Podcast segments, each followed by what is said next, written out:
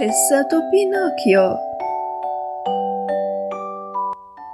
كان هناك ذات يوم نجار عجوز اسمه جيبيتو وكان العجوز يعمل في صناعة الدمى الخشبية ولأنه كان وحيدا كان يعتبر تلك الدمى عائلته وقد قام بتصنيع دمية خشبية واعتبرها ابنه وأسماها بينوكيو. وكان جيبيتو يعتني ببينوكيو ويتمنى من كل قلبه أن يصبح طفلا حقيقيا. وفي يوم من الأيام ذهب جيبيتو للنوم وترك الدمية بينوكيو في الفراش المخصص لها. وحين استيقظ في الصباح وجد بينوكيو يتحرك كما لو كان طفلا حقيقيا. فرح جيبيتو كثيرا لأن الله استجاب دعاءه وأخذ يعلم بينوكيو كل شيء. وقد رأى أن بينوكيو يجب أن يذهب إلى المدرسة ليتعلم مثل باقي الأطفال. وفي يوم من الأيام وجد عربة السيرك تقف في الطريق وكانت تقدم عروضا بالدمى الخشبية فأعجب بينوكيو بالعرض وقامت الدمى بمناداته إلى خشبة المسرح. فأعجب بينوكيو بالعرض وصعد على خشبة المسرح وأخذ يرقص ويغني. فأعجب الناس به كثيرا وأخذوا يصفقون وتجمع كثير من الناس حوله. وبعد أن أنهى العرض قدم له صاحب السيرك نقودا. وطلب منه أن يعمل معه لكنه رفض وقرر العودة للمنزل. إلا أنه التقى بالثعلب والقط وهو في طريق عودته. حيث كان يدعي القط بأنه أعمى وتظاهر الثعلب بأنه أعرج. أقنع الحيوانين بينوكيو أنه إذا زرع نقوده في حقل المعجزة الموجود خارج المدينة سوف تزداد نقوده. لتصبح شجرة مليئة بالقطع النقدية والتي قد تصل إلى ألف أو ألفين من قطع الذهب.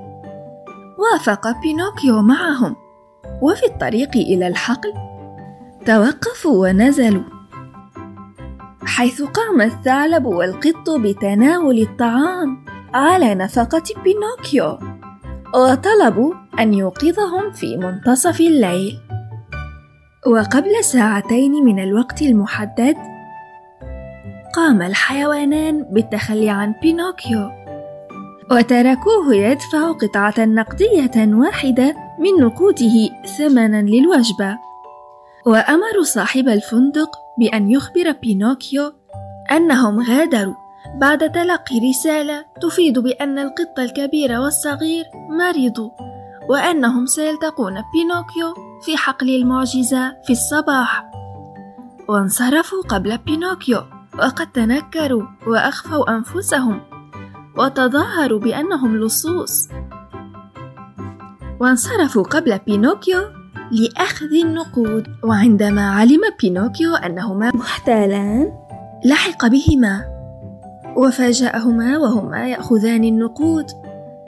ولكنهما استطاعا أن يقوما بربطه في شجرة ويسرقا نقوده ويهربا. ظل بينوكيو يصرخ ويطلب المساعدة ولكن لم يسمعه أحد. كان هناك جنية طيبة تعيش بين الأشجار فسمعت صراخ بينوكيو فذهبت لتساعده وسألته ما أتى به إلى هنا فأخبرها أن والده مريض وأنه اضطر أن يعمل ليساعده. وجد بينوكيو أنفه الخشبية تكبر وتتمدد. فخاف بينوكيو ونظر إلى الجنية. فأخبرته أن هذا يحدث له لأنه يكذب. وستستمر أنفه تكبر إذا استمر في قول الأكاذيب. شعر بينوكيو بالخجل واعتذر للجنية. ووعدها بألا يقول غير الحقيقة. فأخبرته أنه إذا توقف عن الكذب وأصبح صالحا فسوف يتحول إلى ولد حقيقي. ترك بينوكيو الجنية وقرر الذهاب إلى البيت. وعزم أن يصبح ولدا صالحا حتى يصبح ولدا حقيقيا.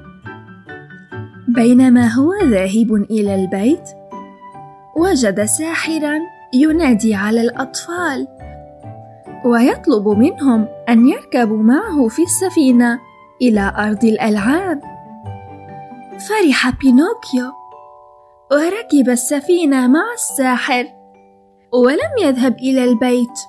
وبعد أن تحركت السفينة وجد بينوكيو الساحر يقوم بأعمال غريبة. فهو يقوم بتحويل الأطفال إلى حمير حتى يستطيع بيعهم. خاف بينوكيو بشدة ولما رآه الساحر قفز في البحر سريعا. وفي البحر أخذ يسبح ويصارع الأمواج حتى مر حوت كبير فابتلع بينوكيو. وفي بطن الحوت تفاجأ بينوكيو حيث وجد والده جيبيتو في بطن الحوت. هو وقاربه.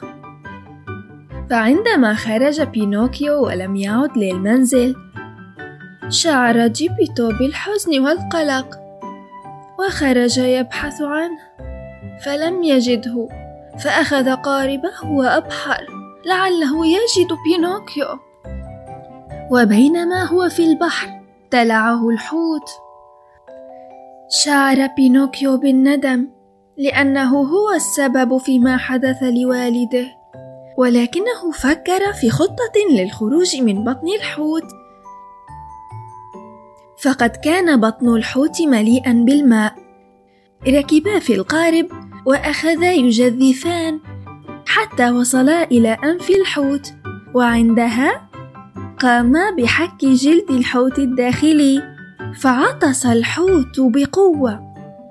وخرجوا من بطنه وجدفوا بقوة حتى ابتعدا عن الحوت. عاد بينوكيو مع جيبيتو إلى المنزل ووعده أن يصبح ولدا صالحا. وبالفعل أصبح ولدا صالحا. وفي يوم من الأيام جاءته الجنية طيبة وأخبرته أنها كانت تراقبه وأنه يستحق أن يصبح ولدا حقيقيا. وأشارت إليه بعصاها السحرية فتحول إلى ولد حقيقي.